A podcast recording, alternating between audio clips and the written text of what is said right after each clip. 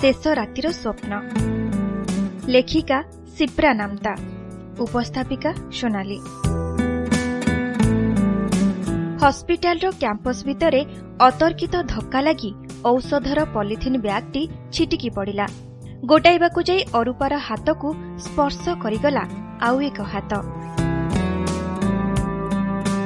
ସରି କହିବାର ଶବ୍ଦରେ ମୁଣ୍ଡ ଟେକିଲା ଅରୁପା ରୂପା। ସମ୍ବୋଧନରେ ଶବ୍ଦ ହୋଇଗଲା ଅରୁପା। ଏ କଣ? କାହାକୁ ଦେଖୁଛି ସେ? ଏ ଯେ ଆକାଶ। ପରସ୍ପର ପରସ୍ପରଙ୍କୁ ଦେଖି ବିସ୍ମୟରେ ସ୍ଥାଣୁ ପାଲଟିଗଲେ। କିଛି ସମୟ ପରେ ପ୍ରକୃଷ୍ଠିତ ହୋଇ ଅରୁପାର ଠିକଣା ନେଇ ଆକାଶ ଚାଲିଗଲେ। ଆସନ୍ନ ସନ୍ଧ୍ୟା। ଅରୁପା ଘରେ ପହଞ୍ଚି ନିଜ କୋଠରୀରେ ଗୁମସୁମ ହୋଇ ବସିଛି। ଦୀର୍ଘ ପାଞ୍ଚ ବର୍ଷ ପରେ ହଠାତ୍ ଏମିତି ଭାବେ ଆକାଶ ସହିତ ଦେଖାହେବ ବୋଲି କେବେ କଳ୍ପନା କରିନଥିଲା ସେ। କିଛି ସମୟ ପାଇଁ ସୁଦୂର ଅତୀତରେ ହଜିଗଲା ଅରୁପା।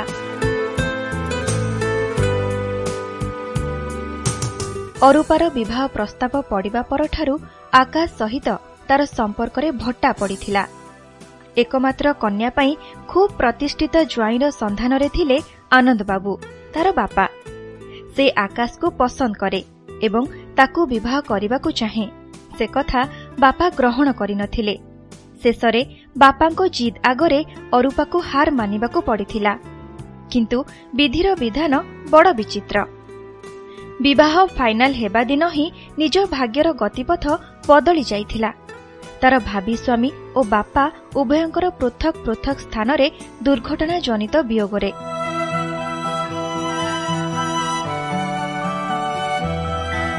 ଆଉ ତାପରେ ଗଭୀର ହତାଶା ନିରାଶା ଆଉ ଅସହାୟତାର ତିନି ଛକରେ ଠିଆ ହେଲେ ସେମାନେ। ସମ୍ପର୍କୀୟମାନଙ୍କ ସାହାଯ୍ୟରେ ପିତାଙ୍କର ସଞ୍ଚିତ ଅର୍ଥ ପାଇପାରିଛନ୍ତି। ଆଉ ସେଇ ଅର୍ଥରୁ କିଛି ନେଇ ସେ ତିଆରି କରିଛି ଆନି ହାଉସ୍ ଫର୍ ଗର୍ଲସ ବାପା ଓ ମାଙ୍କ ନାଁ ମିଶାଇ। କିଛି ମହିଳାଙ୍କୁ ନେଇ ମାଙ୍କ ନାମରେ ଗଢ଼ିଛି ନିର୍ମଳା ସ୍ୱୟଂ ସହାୟକ ଗୋଷ୍ଠୀ। ଗୋଟେ ଏନ୍ଜିଓ ଗଢ଼ିଛି ବାପାଙ୍କ ନାଁରେ। ଆନନ୍ଦ ଏନ୍ଜିଓ ଓ ସଂସ୍ଥା। ଏହିସବୁ ସଂସ୍ଥାରୁ ଏବଂ କିଛି ଭଲ ଅନୁଷ୍ଠାନ ଓ ସଂସ୍ଥାମାନଙ୍କରୁ କିଛି ଅନୁଦାନ ସଂଗ୍ରହ କରିଥାଏ ସେ ଆନି ପାଇଁ। ଶିଶୁମାନଙ୍କ ଗହଣରେ ମା ନିର୍ମଳା ଦେବୀ ସବୁ ଦୁଃଖ ଭୁଲିବା ପାଇଁ ନିଜକୁ ଖୁବ୍ ବ୍ୟସ୍ତ ରଖିଛନ୍ତି ଓ ଅରୁପା ପାଲଟି ଯାଇଛି ଜଣେ ନାରୀ ନେତ୍ରୀ ଓ ସମାଜସେବୀ। ମାଙ୍କ ଡାକରେ ଭାବନାରେ ପୂର୍ଣ୍ଣଚ୍ଛେଦ ପଡ଼ିଲା।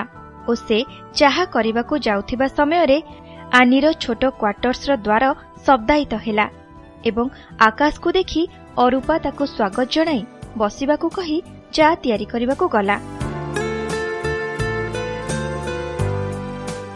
ଠିକ୍ ସେତିକିବେଳେ ନିର୍ମଳା ଦେବୀ ଆସିଲେ ଓ ଆକାଶର ପରିଚୟ ଜାଣି ବହୁତ ଖୁସି ହେଲେ।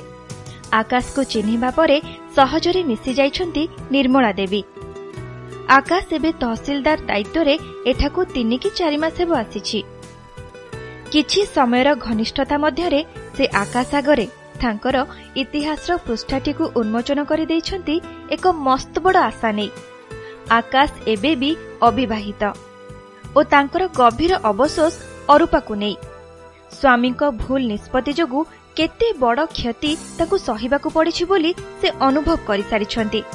ଏବେ ବି ଆକାଶ ଆଉ ତାଙ୍କ ଝିଅ ପରସ୍ପର ପ୍ରତି ବିମୁଖ ହୋଇନାହାନ୍ତି ବୋଲି ଜାଣିପାରୁଥିଲେ ସେ। ତେଣୁ ଚାହା ପିଇସାରିବା ପରେ ସେମାନଙ୍କୁ ଆଉ ଟିକିଏ ଘନିଷ୍ଠ ହେବା ପାଇଁ ଆକାଶ ରାତି ଖାଇବା ଏଇଠି ଖାଇକରି ଯିବେ ବୋଲି ଅରୁପା ଓ ଆକାଶ ଦୁହିଁଙ୍କୁ ତାଗିଦ ଦେଇ ସେ ଶିଶୁ ସଦନ ପଟେ ନର୍ସର ଆସିବା ଟାଇମ୍ ହୋଇଯାଇଛି କହି ଚାଲିଗଲେ। ରୂପା ଆକାଶର ଡାକରେ ଚାହିଁଲା ରୂପା ଆକାଶର ଆଖିରେ ସାଗରଠାରୁ ବି ଅଧିକ ଗଭୀରତା।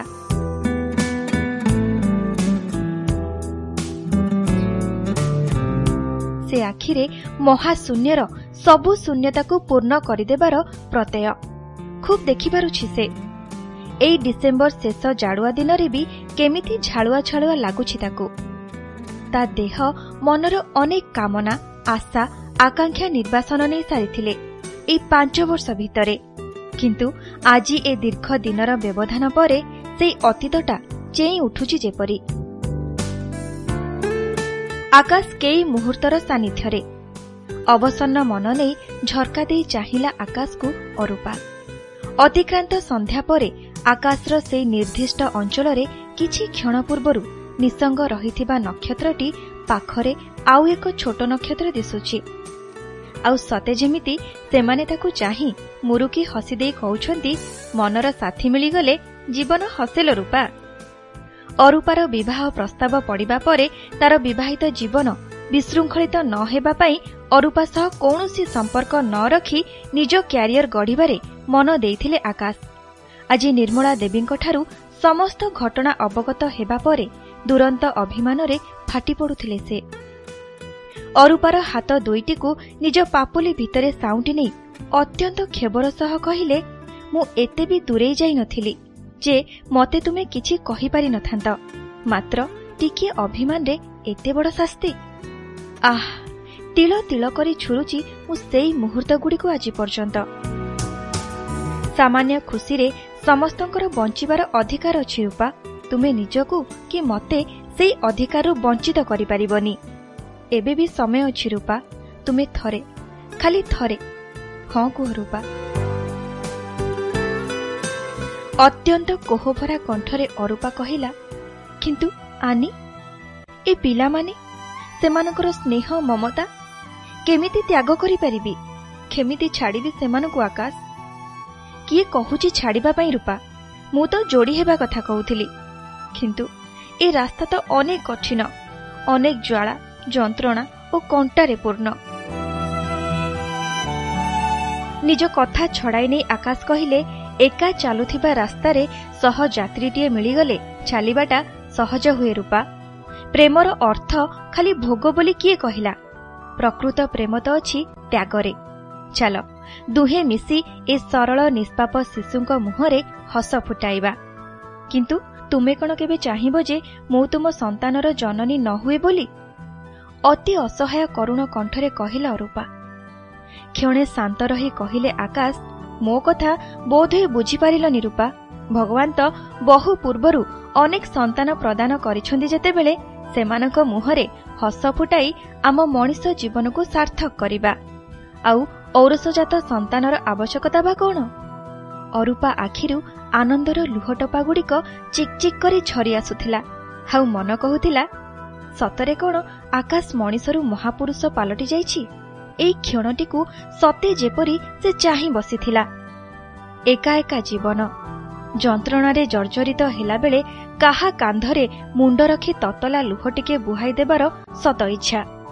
କର୍ମ ଜଞ୍ଜାଳରେ ଥକା ହୋଇଯିବା ବେଳେ କାହା ହାତ ଧରି ଚାଲିବାର ଇଚ୍ଛା ସବୁ କେମିତି ନିସଙ୍ଗତାରେ ଶୋଇପଡ଼ିଛନ୍ତି ଗଭୀର ଅବଶୋଷରେ।